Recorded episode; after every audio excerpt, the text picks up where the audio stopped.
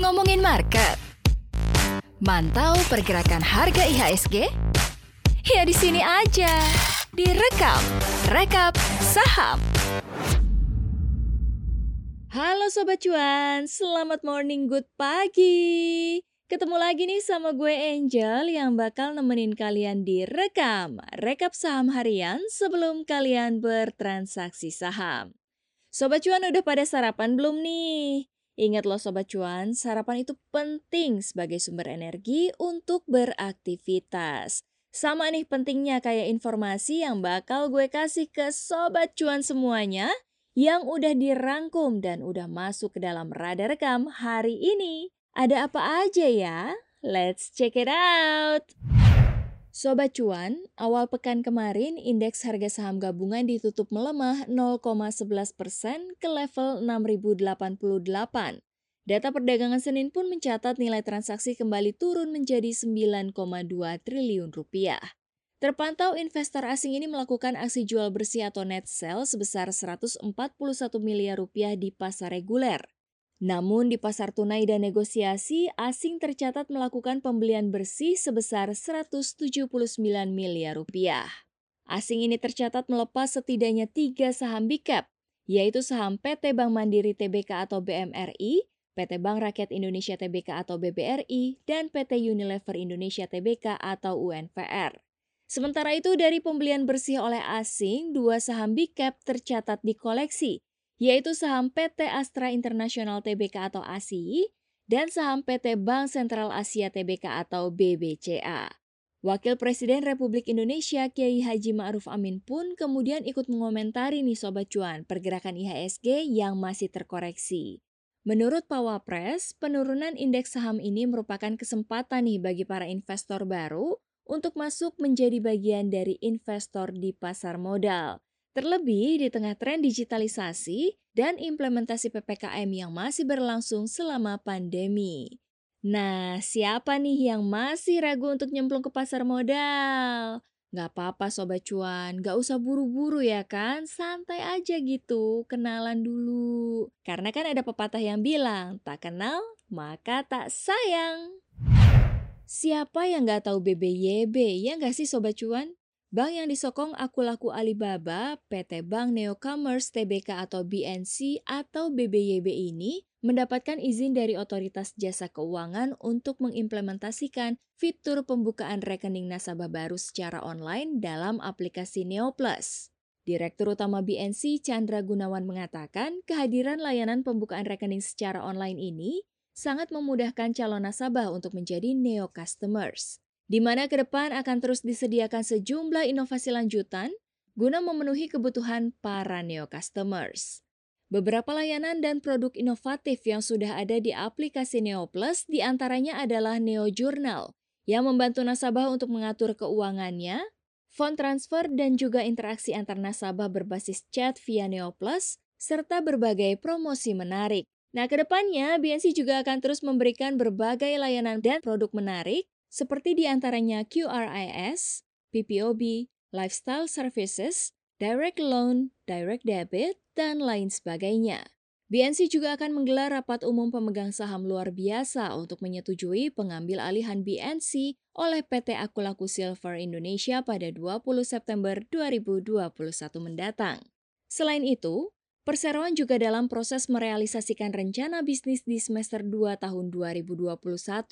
Perusahaan berencana untuk menggelar rights issue atau hak memesan efek terlebih dahulu untuk meningkatkan modal inti BNC minimal 3 triliun rupiah di akhir 2021.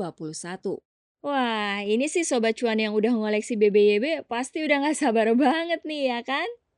Next! PT Bukit Asam Tbk atau PTBA Badan Usaha Milik Negara Sektor Pertambangan Batubara meningkatkan target produksinya menjadi 30 juta ton dari sebelumnya 25 juta ton. Selain itu, PTBA juga meningkatkan target ekspor batubara pada tahun ini menjadi 47 persen dari sebelumnya di kisaran 30 persen. Sejumlah pasar ekspor baru pun tengah dijajaki PTBA, seperti Filipina dan juga Vietnam. Peningkatan target ekspor batubara ini dilakukan untuk memanfaatkan potensi naiknya harga batubara saat ini.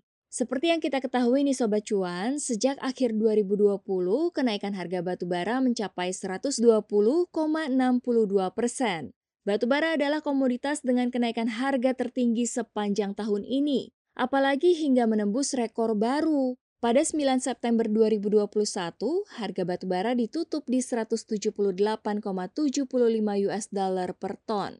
Ini adalah rekor tertinggi setidaknya sejak 2008. Namun, pada akhir pekan lalu, harga batu bara untuk kontrak dua bulan ke depan merosot 2,18 persen ke 174,85 US dollar per ton. Sebelumnya, Direktur Keuangan dan Manajemen Risiko PTBA Farida Tamrin mengatakan, Pihaknya memperkirakan harga batu bara akan terus melonjak tinggi, bahkan berlanjut hingga semester kedua 2021. Selain kenaikan harga batu bara, Farida juga mengatakan kinerja PTBA sampai saat ini tetap positif, didukung pula oleh ekspor hingga pergerakan dolar yang stabil. Kira-kira menarik untuk dilirik nggak nih Sobat Cuan? Next! Masih di sektor pertambangan nih ya Sobat Cuan, kali ini emiten holding pertambangan BUMN Mining Industri Indonesia atau Mine ID berencana untuk mengakuisisi perusahaan tambang baru di luar negeri. Bila rencana ini terrealisasi nih Sobat Cuan, maka akuisisi ini akan menambah daftar perusahaan tambang asing yang diakuisisi Mine ID setelah mencaplok 20% PT Vali Indonesia Tbk dengan nilai investasi 5,52 triliun rupiah dan mengakuisisi 51% saham PT Freeport Indonesia dengan nilai investasi 55,8 triliun rupiah. Direktur Utama Main ID, Orias Petrus Moudak mengatakan, sampai dengan semester pertama 2021, Perseroan memiliki kas sebesar 32,7 triliun rupiah yang di antaranya diperuntukkan untuk belanja modal sebesar 29 triliun rupiah. Alokasi belanja modal ini untuk mendanai proyek strategis seperti rencana pembangunan baterai kendaraan listrik, pembangunan smelter grade alumina dengan kapasitas produksi 1 juta ton alumina, hingga pembangunan smelter tembaga.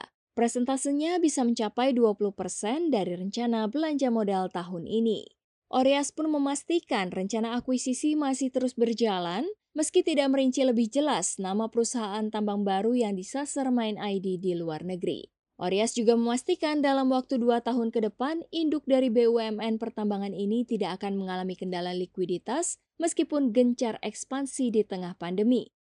Wah, sukses deh kalau gitu untuk ekspansinya nih ya. Semoga Sobat Cuan juga semakin sukses nih mendulang cuannya. Gimana Sobat Cuan? Udah cukup tercerahkan belum nih? Pokoknya pesan gue tuh cuma satu apa pun transaksinya, yang pasti harus ketahui dulu ya profil risiko kalian masing-masing.